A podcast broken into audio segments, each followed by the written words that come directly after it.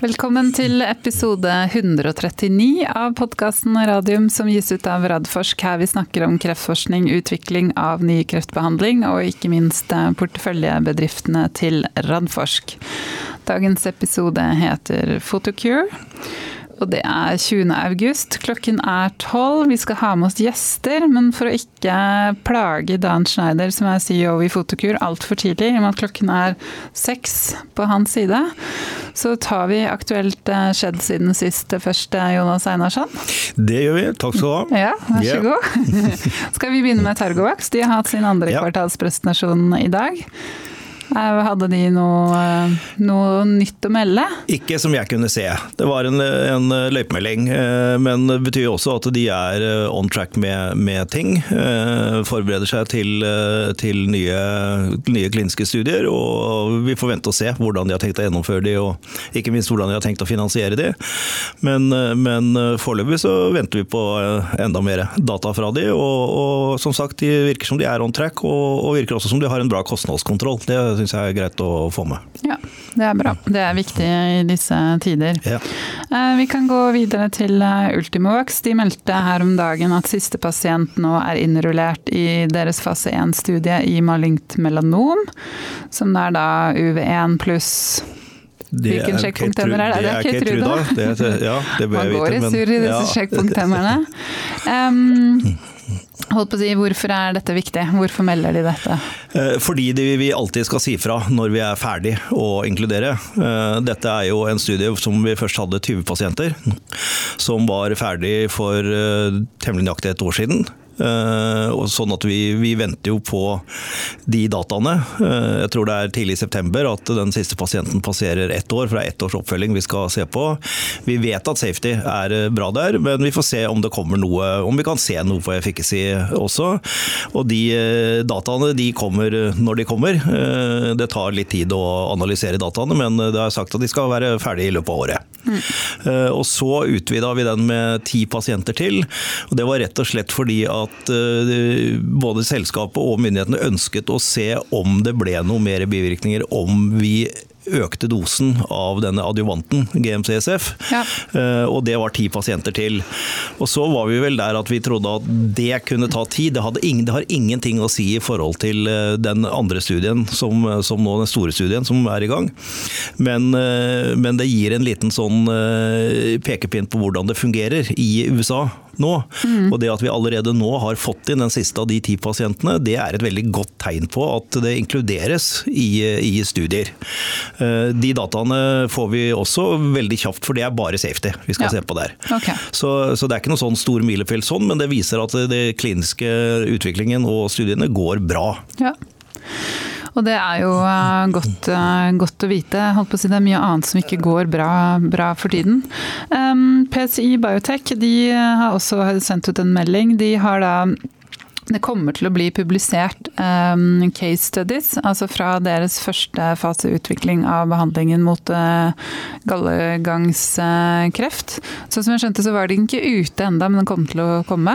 Ja, er, det er godkjent, akseptert. Er godkjent, ja. Ja. Og det, det, betyr at den kommer. Ja. Og, og, da er det en realitet, og da er det greit å si fra om det. Eh, og det blir jo case study, som det står. Det blir jo på en måte én og én pasient, men det blir veldig spennende å analysere eh, de og se på om man ser eh, hvilke typer pasienter det har gått best med, og fra hvilken dosekohorter osv. Så, videre. så det, er, det, det blir spennende å se på. Vitenskapelig sett så er det veldig interessant. Ja, for det er vel kanskje ting de kan ta med seg videre inn i release studien også? Ja, er, man lærer jo av dataene. Mm. Så bra. Og PCI har jo da, de skal legge fram sin kvartalspresentasjon neste onsdag, så vi får jo da besøk av Per og Ronny i studio etter det. Ja. Um, og det blir jo spennende. Det er mye som er spennende i forhold til den presentasjonen. Det, det, er det. Eh, de har jo hatt litt for vane å komme med noen nyheter på kvartalspresentasjoner, som ikke alle disse selskapene gjør, men, men eh, det vet vi jo ikke. Og at det kommer noe sånn groundbreaking news akkurat på den. Men det blir i hvert fall en oppdatering på release, og i forhold til forrige ja. gang så var det jo litt forsinket, så det er jo interessant å se nå. Har de fått åpnet sites i, i Asia hvordan går det med pasientinklusjonen? Det blir veldig spennende, ja. det er jeg enig i. Ja.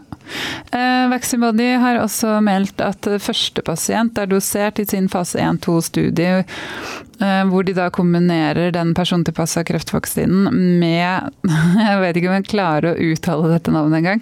Bempegaldes laukin. Ja. NKTR214 fra Nektar Therapeutics. Det blir en spennende studie å følge med på. Ja, det er noe helt nytt. Ja. Eh, så det, hvordan det slår ut og fungerer, det, det vet vi jo ikke. Så det syns jeg er kjempespennende at de går den veien også.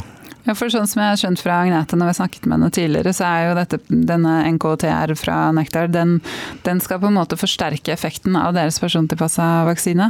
Ja, ja, det er helt riktig. Det er, mm. det er, igjen å spille på forskjellige deler av immunforsvaret og immunsystemet ja. for å få de til å spille på lag. Mm. Eh, men da med en, en ny vri. Så mm. det blir veldig spennende å se. Ja. Husker du hvor mange pasienter du skulle innrullere? Nei. I den studien? For den er jo sikkert ikke så stor, siden det er en fase 1-2 det er ikke en stor studie, Nei. Eh, men jeg husker ikke tallet. Nei. Nå prøvde jeg kjapt å gå inn på pressemeldinga, men jeg tror ikke jeg klarer å prate og snakke samtidig, så vi, vi kan heller komme tilbake til det. Den er grei. It's nice to have you both back in the podcast, Dan and Eric. Uh, looking forward to hearing all about uh, recent uh, developments in, in Photocure. Uh, but before we delve into the company update, we must talk a bit about the corona pandemic, uh, since it's affecting us all on some levels. Um, Dan, how are things in the US now? Uh, there, you know, it depends on which day of the week, to be honest with you, um, and where you live in the United States. We, we don't have quite the, the control at the federal level, and the individual states are making their own decisions. So it, it uh, becomes quite challenging from a business standpoint. Mm. But uh, but you are based in Philadelphia. How is the situation there in your? Um, it, it, it's okay. We can't we can't eat in restaurants. You, there are no bars open. You can eat outside. Uh, there's no theaters, things of that sort. So it's, uh, I guess we're in a semi-closed, you know, situation. I don't think that's going to change. If anything, it'll it'll get stricter through the winter. Mm. Mm. Okay, is it cha- is it challenging, or are you coping okay? It, it, it's starting to be challenging just from a personal standpoint, not having anything to to keep yourself busy with when you're not working. Mm. Um, I guess from a positive standpoint is you you stay focused on work a lot more than ever because that's kind of your outlet. so it's good good for Photocure. mm -hmm. Yeah. yes. But uh, Eric, and you're based here in in Oslo. How do how do you think the situation is uh, here from your perspective, the corona, corona pandemic? I think uh, I think the authorities handled the case and the situation in a very strong and good way. Mm. They they locked down quite almost immediately. Uh, we've had daily press conferences uh, with the prime minister and also you know health authorities. Even made one of the uh, guys from the health authorities a celebra celebrity. You know, it's been locked it's, uh, it's, quite amazing. Actually. Yeah, it is. And, it and is. the the use of the word dugnad or, or you know how should I translate that? Voluntary work. You know, the use of that word is uh, has been very good. You know. I think well received. Mm. Obviously, I mean, we were hit by by COVID. Uh, Photocure were hit by COVID also in in Nordic and Norway, uh, but um, you know, it's been handled well. Yeah. But uh, and uh, but what uh, what are your outlooks uh, for the next half year then? For the uh, for the corona? Year, you know, for the coronavirus, I think most expect there'll be uh, some sort of a rebound from the disease. It'll come back in. Um, I think, you know, from a from a positive side of it, I think the world, I think we as humans, and I think businesses are, are more prepared this time around. I mean, if you think through the hospital systems, et cetera, you know, they've got procedures in place to handle not only coronavirus but any other future pandemic or epidemic uh, and, and still make sure patients receive the quality mm-hmm. care they deserve. And from a human standpoint, I think the rest of us understand the importance of you know social distancing and wearing a mask and all these things that on uh, New Year's Eve none of us had ever thought about, and now have become part of our daily life. Mm. Shows shows how adaptive we are, I guess. Yeah. Yeah. in yeah. some in some ways. We have to have to cope, so we do what we have to do. But uh, let's get back to to Photocure then, because you had your first half and second quarter results uh, this Tuesday, August 18th, and uh, then you said that for the ninth quarter in a row you had experienced growth in the U.S. Uh, market, actually, despite the corona pandemic. Um, why do you think this is, uh, Dan? Well, you know, I think we have a very strong underlying business hmm. uh, in in the sales of Hexvix and Cysview. Um, I think we've proven our clinical value uh, in bringing uh, superior detection and surgical guidance to bladder cancer in the surgical suites. Um, you know, we've done a good job of, of establishing those relationships, uh, embedding the process, there is a process to using Cysview or Hexvix with uh, installations an hour before procedure and then using a blue light cystoscope.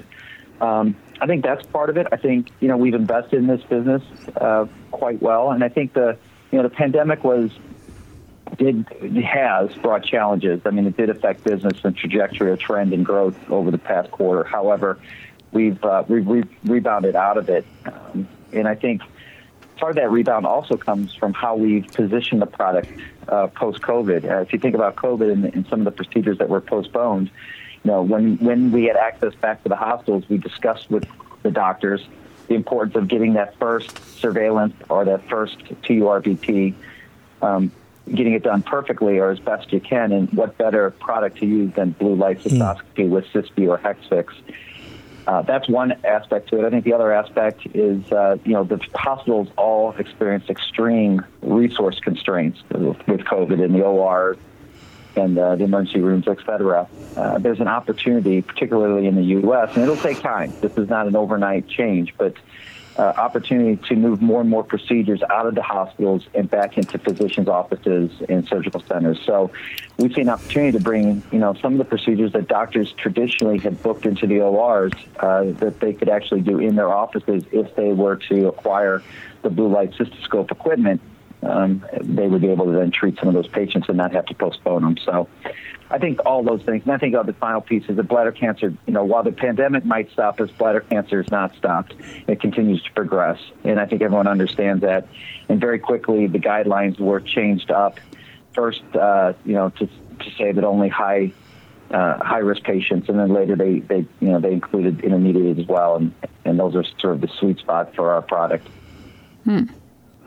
So this actually, in the longer run, can uh, be a possibility for Photocure as you see it.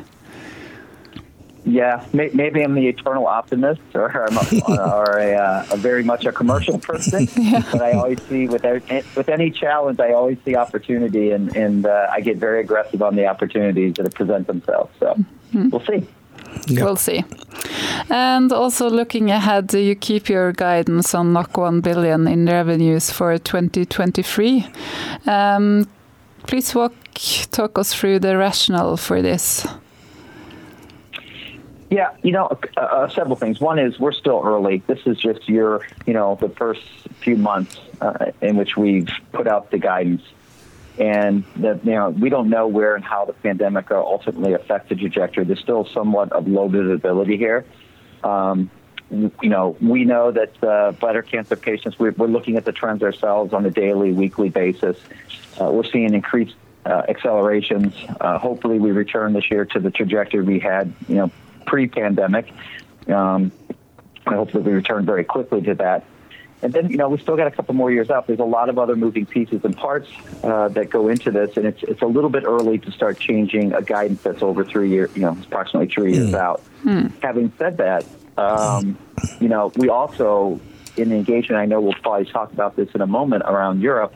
You know, Europe has has uh, the more we've learned about it, the more diligence we've done, the more meetings we've had with Ipsen in the transition phase, are starting to see some real opportunities uh, that that weren't quite maybe as evident from the outside looking in.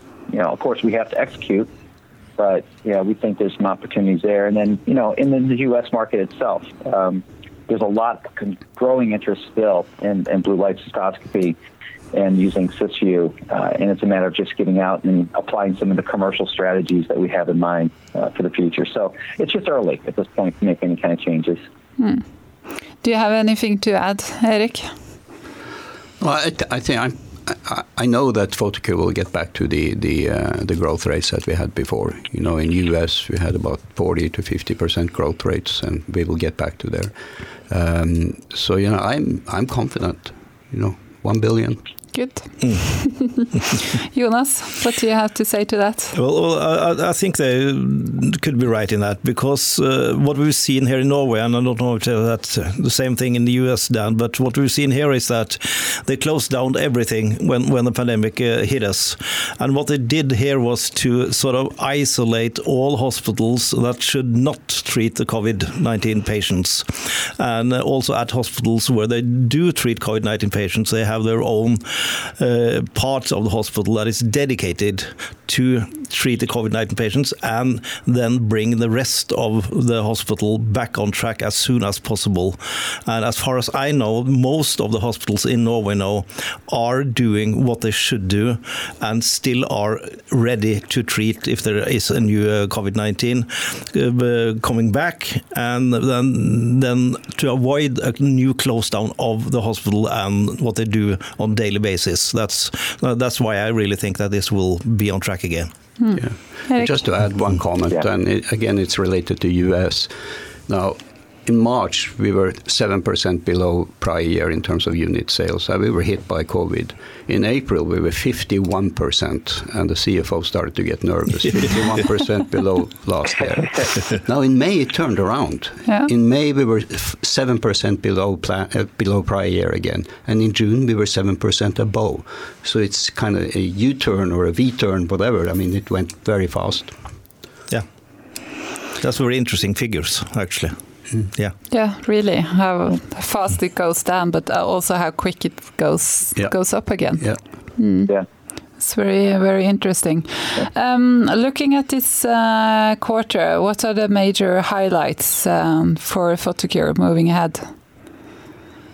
Well, I think the major highlights are, you know, one, our resilience to the pandemic and the ability to bounce back. Hmm.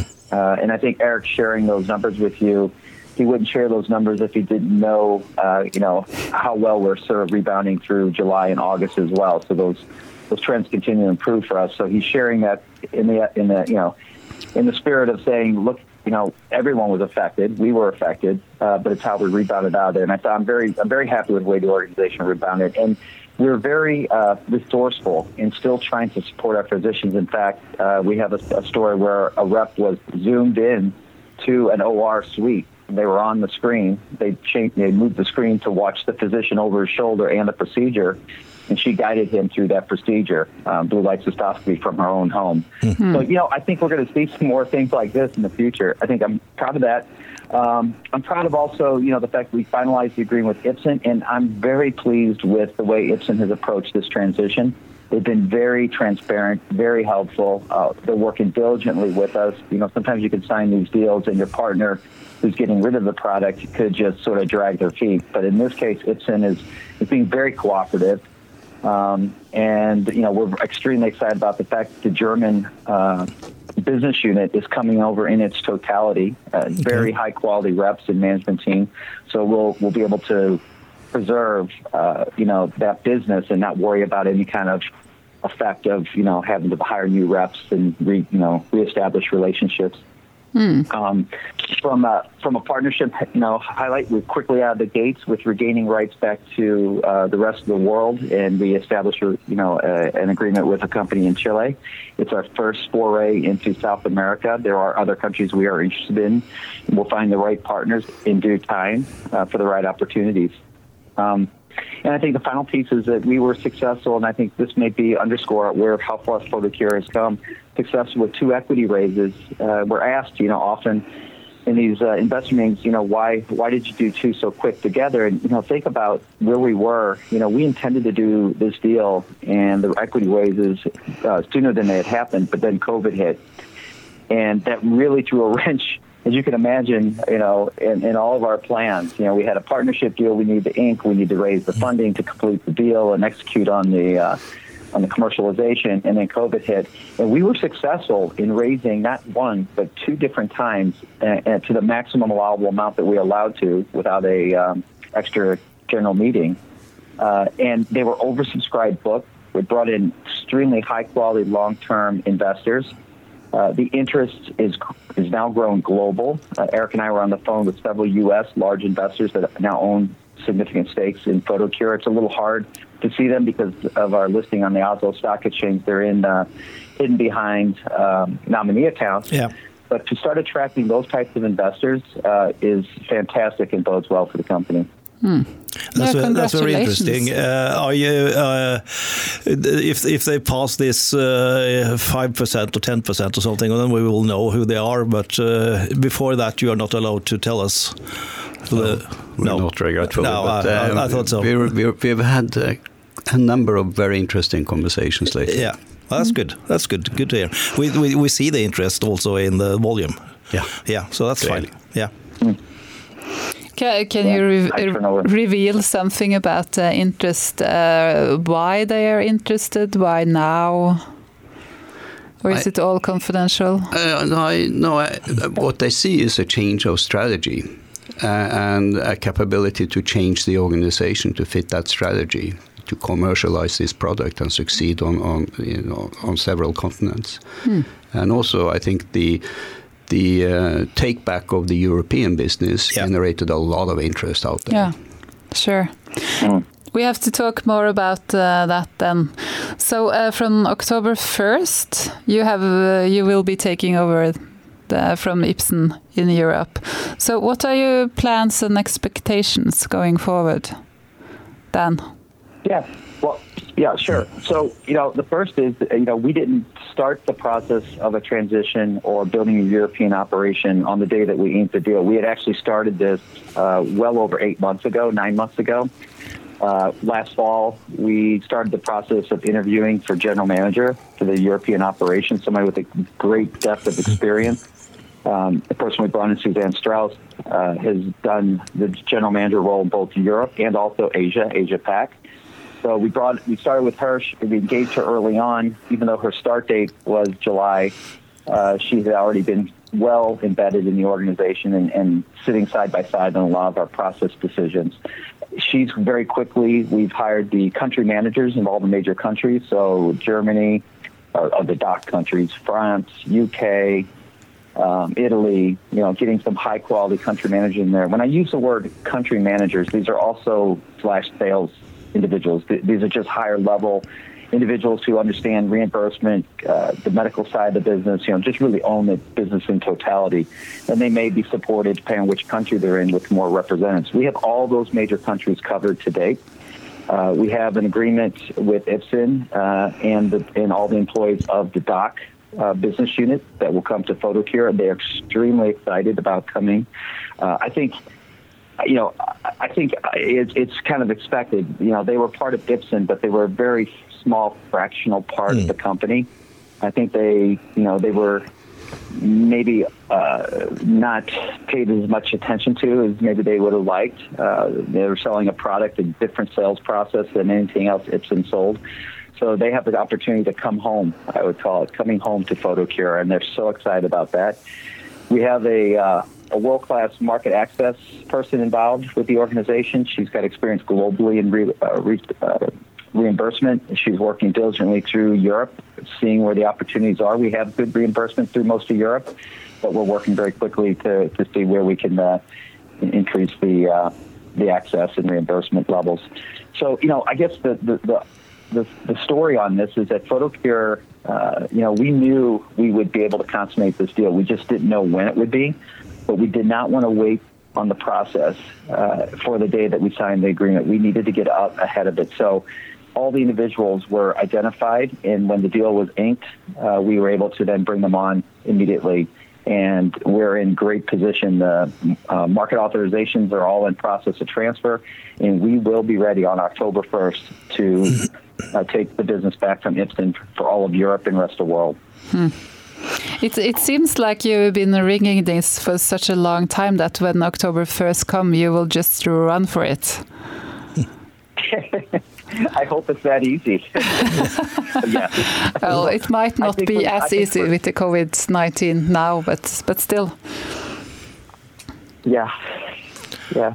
have to turn the blue light on again. Yeah. no, but it will be very interesting to to follow. Uh, but what do you expect uh, on the financial side, on the sales side, Eric? Uh, in terms of Ipsen. Mm, no, yeah, in terms of what uh, what you can uh, what you can manage here in Europe, what your results will be. Yeah, I mean, what, what we're looking at is a business that generated 18.8 million euro of revenue back in 2019. Uh, of that of that revenue, uh, Photocure got you know one third approximately. Mm. So when we include the Ipsen business, current Ipsen business into into our own P and L, uh, it's going to jump with about 120 million kroner yep. overnight. Mm. and then you will. And then we will start working on the numbers yeah. and working with the customers. Yeah. Um, are, are, there some uh, some of the European countries that are more interesting than others? Dan. Oh, I'm sorry. Uh, yeah, Did you fall asleep? no, no, I was here. I just I wasn't. We're not in the same room. So yeah, no, I know. The, uh, just the, teasing. I, the IQ, the nod. Um, yeah, there are countries that are obviously more important and uh, most interested. The number one countries most important to us on October 1st are the German speaking DACH countries mm. because that's the profitability and the revenue. 80% of the revenue and most of the profitability of the business is coming from there. And that's because that's where they invested and that's where they had established a really solid business with very high penetration rates. Next to that uh, would be France, uh, the UK, Benelux, and Italy. Uh, they have not done anything in Italy for years. Uh, UK has not been touched for years, and these are countries that did have blue light cystoscopy with Hexvix, uh, but for many different reasons on Ipsen's part, and most of it having to do with just in, interested in other things. Um, they they exited those markets and, and withdrew a lot of the resources that you would put into a commercial enterprise. So those are the top ones. Beyond those, we see opportunities in, in countries like Spain and other uh, you know other European countries, but we will. Um, we'll assess those one by one. We are transferring MAs. There is some levels of business you know, what we have to establish is whether or not more commercial effort will produce more more revenues for us. Uh, but that's that's the key. And then I think beyond that, it's you know we gained worldwide rights back, so we look outside the borders of Europe in the U.S. and look at other countries around the world and and see if there's strong partnerships that we can establish that they can to, they can uh, commercialize Hexvix uh, in those countries. Mm. Mm. Do you uh, do you have some specific markets you're again more interested in than others? Yeah, yeah. Well, I think you know we we we we signaled uh, Latin America. I mean, it's not every Latin American country, but certainly uh, you know Chile is a, a, very good country, but although small, it's about the size of Norway. Uh, but this is all plus revenue for us uh, with with very little cost at all on our part. Um, you know, most of it's all bird, um, you know, born by the uh, by the partner. We'd look at Brazil, Mexico, uh, perhaps Colombia, Argentina. Um, mm. Might be the other countries, but we'll, you know we'll assess those one by one. I will say with Chile, you know, there was an evaluation done with blue light cystoscopy uh, about a year and a half, two years ago, and that's why we established this relationship with Genotest. They have a, a, growing interest in Chile to bring this technology to that country. So it's a great foothold for us there. Uh, looking across to Asia, you know, obviously mm-hmm. China, South Korea, Hong Kong, uh, perhaps Taiwan. Uh, there's some other countries throughout Asia Pac that we're interested in. You know, and then we also have, even though we have a partnership in Australia and New Zealand, we're looking to assess whether that's the right partnership. I think we're getting much smarter about how we partner and who we partner with and what we expect of them. We've learned some some valuable lessons through the years, and so we're looking for much stronger partnerships, active partners in these foreign countries. Hmm. Do you have a comment, uh, Jonas? Well, I, I, think this is uh, the main reason why uh, you, you, get interest from uh, large international investors, and hopefully it's uh, like uh, F Prime or or someone like that. I, I, don't know, but I, I think so. And that is because Photocure is becoming a global company, and they own their own product totally, and that also means that people could be interested in in buying large larger part of of Photocure because they have a revenue stream and they have a growth strategy. And I think that sort of things has fallen into place so to really transform Photocure from a sort of R&D and a little sales to a, a global company that really uh, have their own product uh, in in the whole world in in time. So I, I think the, that's the reason why we see growing interest. Mm. Do you agree to that, Eric? I definitely do agree. Yes. Yeah. It's uh, we walk the talk. Mm. So, uh, so what uh, you see from these uh, larger international investors is that they see the potential actually here now. Yeah, they see Yeah. the growth potential. Yeah. They do. Um, we have to talk a bit about uh, Cevira because you had some great news from Asieris, the Chinese company that li- has licensed Cevira um, just some weeks ago, if I remember correctly, or was it earlier? That they now have gotten Correct. approval from the Chinese medical agency to start a global phase three study. Or one could call it the registration study of Cevira if uh, if the clinical data is good. Um, Dan, were you surprised that they managed to get approval so soon? You know, if you'd asked me this question a year ago, I, I, I would have been a little skeptical, and, uh, and only because you start a new partnership and the way the agreement was written, uh, we thought that perhaps it would be upwards of two years to get to this point. In fact, that's the way the a lot of parts of the agreement were written in terms of milestones. But what we found very early with uh, Asieris is that they are an extremely fast-moving, aggressive, um, in a good way, company that has high interest in establishing themselves in the urogynecologic space.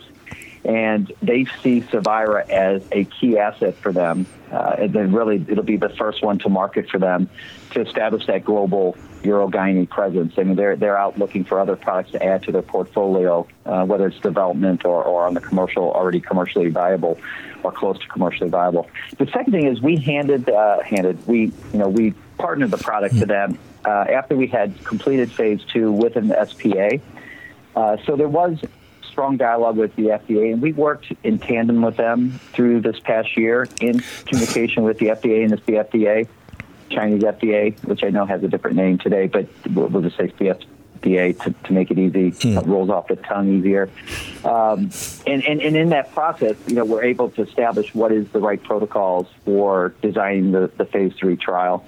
So I think that expedited the process considerably. Uh, so it's a combination of, you know, having taken the product thoroughly all the way through phase two with an SPA on our part, and two, having a right partner who very quickly came up to speed and built an intellectual capital on the product and everything about its history and everything about what they need to do in the future all came together very quickly. Um, so I, I can't, I can't, uh, I can't be any more excited about Asieris and the work that they've been doing to date. It sounds uh, very good. So, so this will be a global study, and it will also have sites in in Europe as well as uh, Asia, as I understand it. Um, do you know any more about the time time frames going ahead? Um, the time frame for sure for the Chinese registration, which you're right, uh, they will include European and U.S. sites uh, because they want to use this first registration trial, which is really meant for the Chinese approval, but they want to use that as the as really the first of two phase three trials they need for U.S. and Europe. Um, they're at the point now where they're ready to uh, at least enroll the first patient, which obviously would trigger another milestone for us. Uh, in talking with their CEO Kevin Pan, he anticipated a first patient in perhaps you know early this fall. Uh, COVID, you know, right now in China and, and some of the other places they have the um, the clinics identified, it, it hasn't affected it too badly. Uh, they, they feel like they're going to stay on time, uh, which, you know, quite frankly, they're ahead of time. So, um, but I think uh, I think we can anticipate the next news flow is, is that they will uh, they will announce their first patient's been enrolled into the, into the clinical trial. That's great. But then, uh, that, just to clarify, because that that's the, the the trigger for the next milestone. That's the on enrollment of the first patient in this study. How how big is that milestone? Do, do, have you have you communicated that? We have Uh, that that milestone it communicated that that was going to be the next milestone. Yeah, but uh, the amount. Oh no, we have not communicated Okay, the amount. I don't okay. believe. Eric, correct me. Yeah, it's it's these are small milestones. The big milestones come with the with the approvals, as you can imagine. Yeah. So, Yeah. Um, but but but this is just you know this. I, I'll give you an example. This milestone for first patient in. You know, when we wrote the agreement, I mentioned that we had both time bound and our you know achievement right. So uh, if they you know uh, if they got their CTA, they had you know nine months or before a certain date. If they had the first patient in, it was you know get the first patient in or by a certain date you would pay us. They're a full year. If they if they enroll somebody you know early this fall, they're nearly a year ahead of of the milestone uh, timeline side of it. So that's why we're very excited about the speed yeah. at which they're working. And Dan, I think I think the amount we're talking about is million and a half dollars. Mm, yes. Yeah, but the, the, the big thing is that uh, the big milestones are moving closer. That's true. Yeah. Mm -hmm. A year ahead, yeah. that's quite yeah. impressive, especially in the in the light of the corona, which no one thought about one year from now. Um, uh, to the finances, Eric, maybe you can give us a short uh, presentations on the finances as of today and also the outlooks. Yeah. I mean, I already told you about uh, what happened, uh, what we observed in in U.S. Uh, and you know, it's uh, it's been it's been a very good development towards the end of the quarter. Uh, Nordic obviously also impacted by COVID, but uh, somehow accounting-wise helped by a safety stock that the Danish authorities bought during the quarter. so you know that it's pretty good that mm. a nation go in and goes in and, and buy a safety stock. That's impressive, hmm. actually. We talked about that earlier on today, uh, yeah. Eric, and uh, I mean, this is uh, not facts, but uh, probably they will keep the safety stock and, and then still keep uh, buying uh, new, new well from you to to do the, the daily treatment, and and so it it's not a stock building; it's a safety stock. Yeah. Yeah. Yeah. Hmm. So we hope that, but yeah. obviously we we don't get any get any commitments. No, no, no, no. You look at Europe, uh, you know the sales development in Europe in the various countries have been different country by country. Uh, what's very good to observe is that Germany seemed to have the COVID situation under control much better than most other countries. Mm. So the German sales has been developing not, not too bad in, in the second quarter actually, and has improved during the quarter, just like US. Uh, so, but so if you look at the numbers, the way we report them, you will see that we are slightly above uh, last year in the second quarter as well as uh, year to date. A lot of that is driven by foreign exchange. So if you look at it in constant currencies, we're, we're below the prior year, but you know that was expected given COVID. Uh, we have an increase in operating expenses. Uh, and that shouldn't surprise anybody because we're building up the European organization. So we're strengthening marketing resources, we're strengthening regulatory resources, uh, as well as medical resources. We have to do that. Keep in mind that you know the, the European revenue, in-market revenue, is double of US mm. currently. So it's it's uh, it's a big chunk of money that mm. we hmm. need to take care of. Uh, and then in addition to that, and, and this is the reason why we were able to, to grow so fast during the latter part of the second quarter, we have kept our salespeople in place mm. and we continued the activities with the customers. So we kind of we were ready to go when the door opened. Not only go, but run. Mm. So, so I think you know it, that that explains the P and L. I mean, losing money in the second quarter, as we did, uh, as we have also in year to date. But uh, I think given the COVID situation and given the plans we have and the activities we have, I think we did well, very yeah. well in the second quarter. Mm. Mm. Sounds sounds so. Yeah. Um, we have received a lot of questions from the listeners. I think we will just uh, start with that. Um, there's one question first to you, Dan, about uh, expansion to Asia. I mean, we touched upon that uh, a bit. So I will just read, um, it's four questions, just read them in one and then you can comment. Um, so for the expansion to Asia, is this something you would do on your own or with a partner? Which countries do you find the most interesting to start with? How's the timeline? And if you're planning on moving on Japan, would you need to do a new medical study there? Okay, so uh, for, for uh, we'll, we'll talk about Asia in general. But first of all, it would absolutely be with with a partner. Um, we don't you know, we don't have the size of a company and the expansiveness to, to try to go to these types of countries on our own. The, the the native knowledge you need to have about the Chinese health system and environment, business environment, is something that we couldn't overcome as, as a company today. However, having said that, you know, looking for the right partners is paramount. Um, you're getting into countries where business, transacting business can be I, I, could use the word treacherous, but at least you should be very thoughtful about who you, uh, you know, establish a relationship with and how you go to market. I think the next thing is you have to look at the countries themselves, you know, and, and while they look like large populations like China, um, there's a subset of that population that's really would be identified for, for a treatment like this, and that's because this treatment is not a free treatment. It's it's you know white light cystoscopy is just the cost of procedure. We're adding in the cost of a product to do something different. So, you know, when you look at their health system, you know, you start sub-stratifying and finding out that, uh, you know, the, the, the, the addressable market might be much smaller than, expe- than, than expected. But over time, you know, you, you work on reimbursements and, and you try to grow that business, but it doesn't happen overnight. Most interesting countries, South Korea uh, and China, top of the top of the list. Uh, you know, some of the other smaller countries would be potentially interested in, but all of this would be done through partnerships. Hmm. And and uh, there was also a question: if you're planning on moving on Japan, would you need to do a new medical study?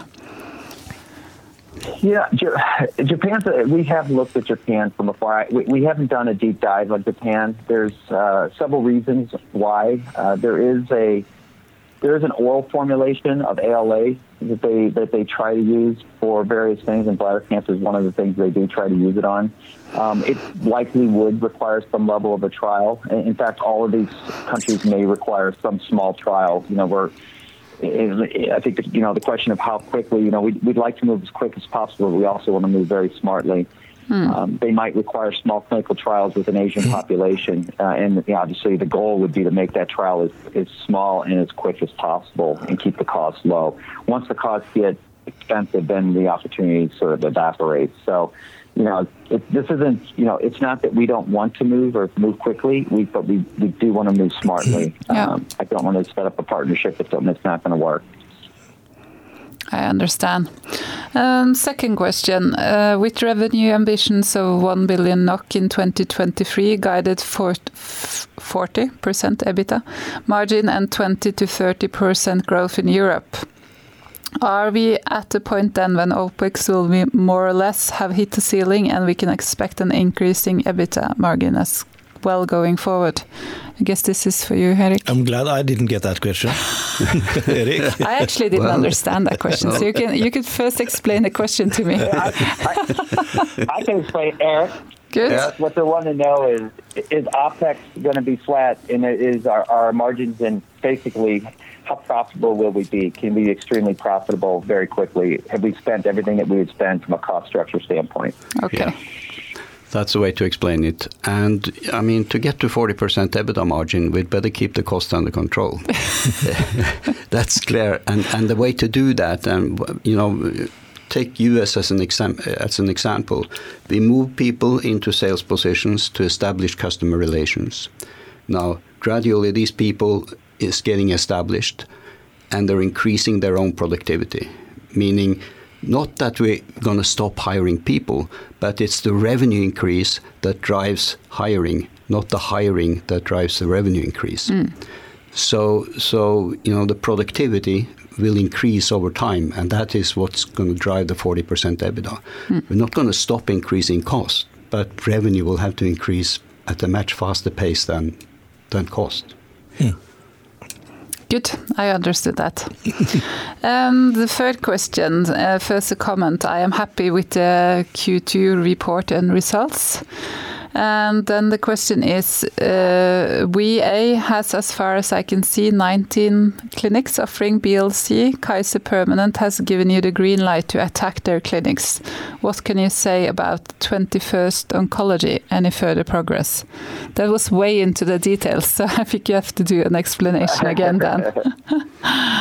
yeah, I, I, think I caught some of the questions. So one was, I think, around the installations in general. Uh, we installed uh, 22 or 23 scopes in the first half of this year. Uh, that's on track with the year in year 2018, but behind last year 2019. But that that can be expected with the COVID. It, it you know COVID locked our sales reps out of the hospitals.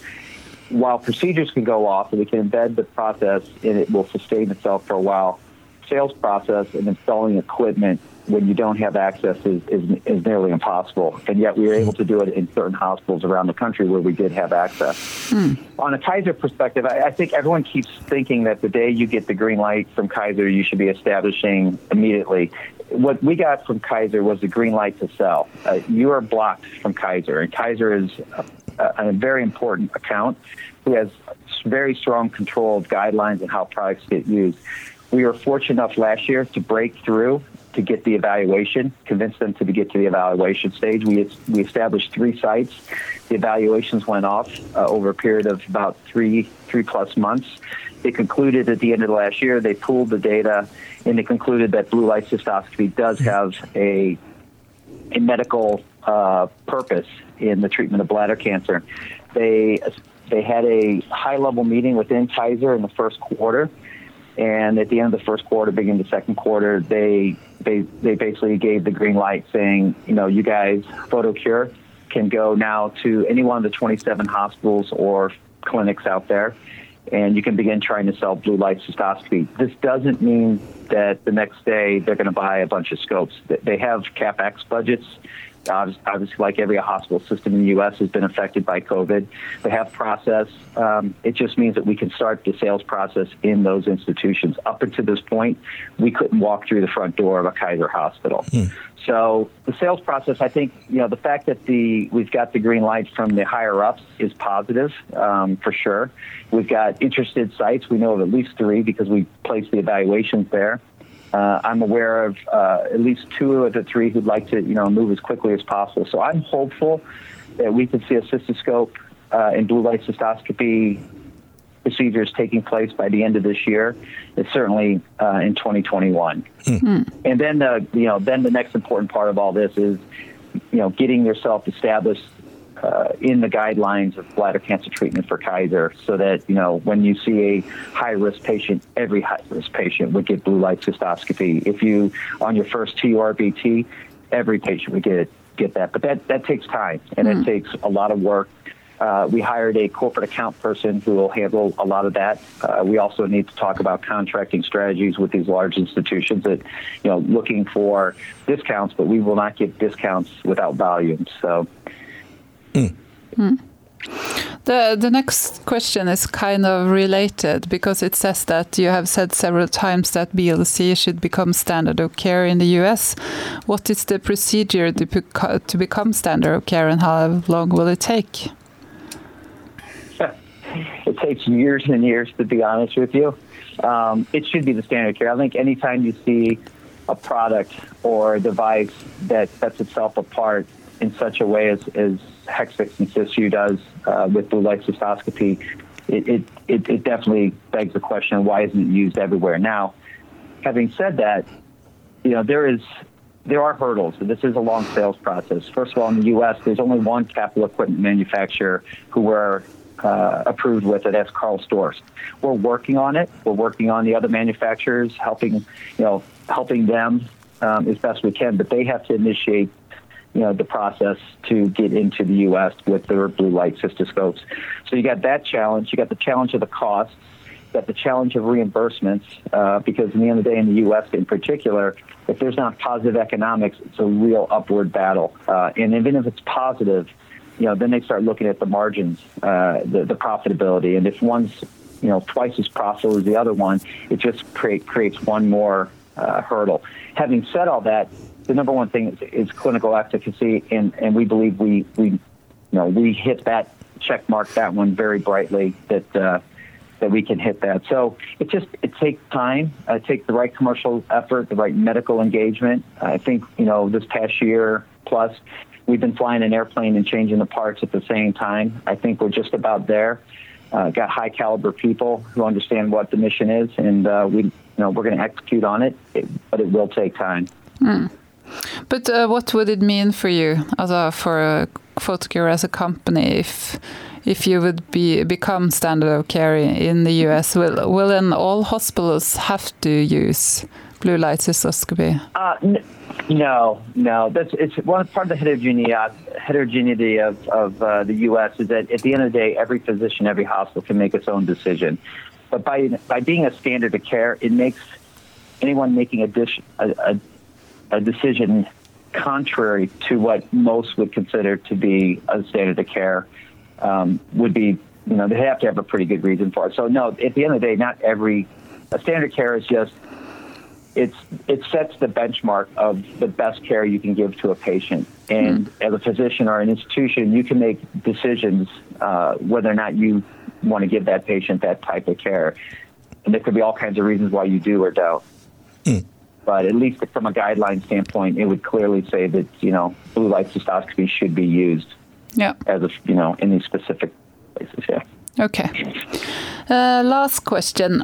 Uh, I am wondering how can Photocure be the sole provider of hexaminolevat and BLC? Is there any competition? If not, what is the resistant food to cure meets with the potential hospital and customers?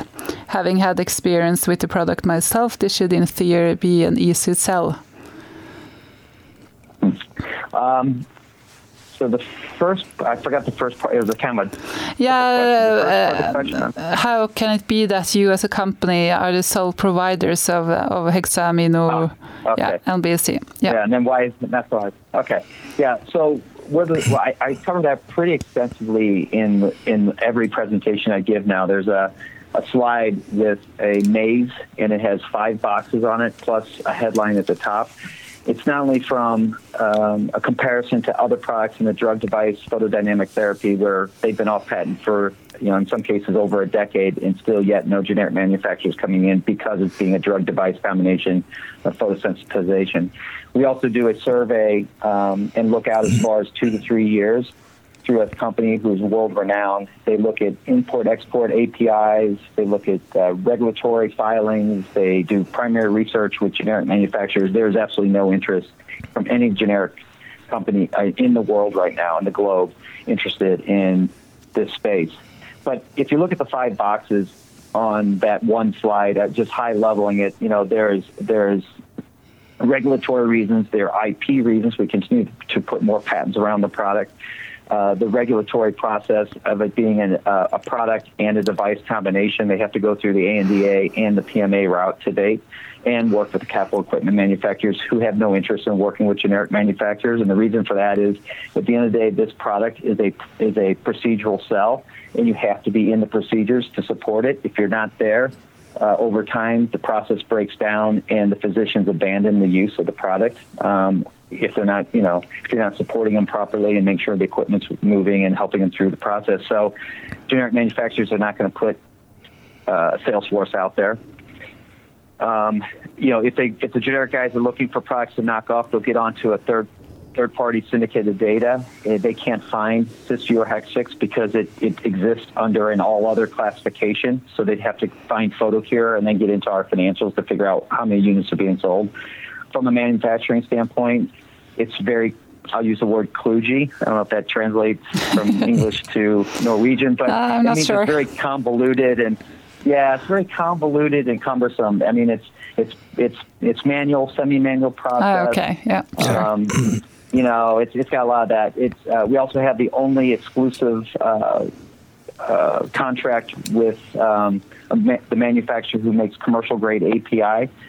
Uh, we are submitting our pharmacopoeias where we're tightening down the specifications. We're continuing to uh, introduce new uh, patents on the product to make it even uglier. So, you know, if a generic manufacturer wants to knock a product off, they don't want to see a bunch of IP, even if it's even if it's not all 100% focused. Just having it is just enough to deter them. So, I sleep very well at night knowing that I don't see any competition coming out, at least in the foreseeable horizon, which is out, you know, to, to our, at least our forecast in 2023. And then, and we run this process every fall, so we'll run it again this fall. Mm. The second thing is, you know, someone had experience with Cysview and Hexvix, and why can't you sell it? I'm, I'm not sure the individual's experience if they've ever sold the product or if they're just talking about from a clinical standpoint, that's two very, very, very different things. Yeah. We can all believe in a product. If that were the case, every product that someone came to market with would sell itself, but that's not the case. This, as we've talked about, is a long process. There's there's expenditures of over 100, 125,000 US dollars per cystoscope that someone has to invest in. There's a whole process change in the OR and the pre-op setting. Uh, you got to sell the, of course, the the clinical part of this. You got to get the physicians on board. There's training. There's you know service and support. Uh, you know, it's a lot more involved. Uh, you know, make sure your reimbursement set. So it's a lot more involved than than, than that. Um, and like I said in most of my presentations, the, the sales process in some cases can be a year to a year and a half or longer, uh, depending on the institution and uh, the state of reimbursement of the health systems. Mm. The same listener has a last question. Is it's uh, if uh, Photocure has considered using the technology for gastric cancer surgery in general? Is this uh, um, something we, you're thinking about? it's not top of mind. Uh, it's it's in the back of our mind that maybe the products uh, could be used in, in other disease states, but it's not a focus for us right now. The number one focus for us is bringing Cysview and Hexvix to the market, establishing it as a standard of care, and growing the business on the commercial side. Mm. Good. That sounded like a good final words, but do you have any final comments, uh, Jonas? No, I, I, think the take-home message for for, for me is uh, the rebound uh, in in the U.S. market and also in in Europe. And I also think it's interesting this Danish thing that they build up this safety stock because uh, maybe other countries would do that too. So uh, any, con any countries in particular you're thinking about? Erik, do you have any final comments? No, I, I you know, you know, I, I, it's been a, it's been a, quite a journey during second quarter. Uh, with a very depressing situation I felt in, in April and then going through the quarter and ending the quarter were, you know, pretty good. Mm. Good. And Dan, do you have any final remarks? Um, I would say that I'm very proud of the employees of Photocure. As Eric said, it, they've shown a lot of resilience, and we have accomplished an awful lot this year in you know in the face of COVID. And I think the second thing is I know many of the listeners are also investors and owners, and uh, I appreciate their continued support. Hmm. Good. You have a great uh, day, Dan. Uh, I mean, it's still early for you, so you can you can do a lot today. It's a little bit later for us, so uh, we can start uh, soon to go home. Thank you so much, and uh, take care, and talk to you soon. Okay. Yep. See you, everybody. Bye-bye. Bye. Bye.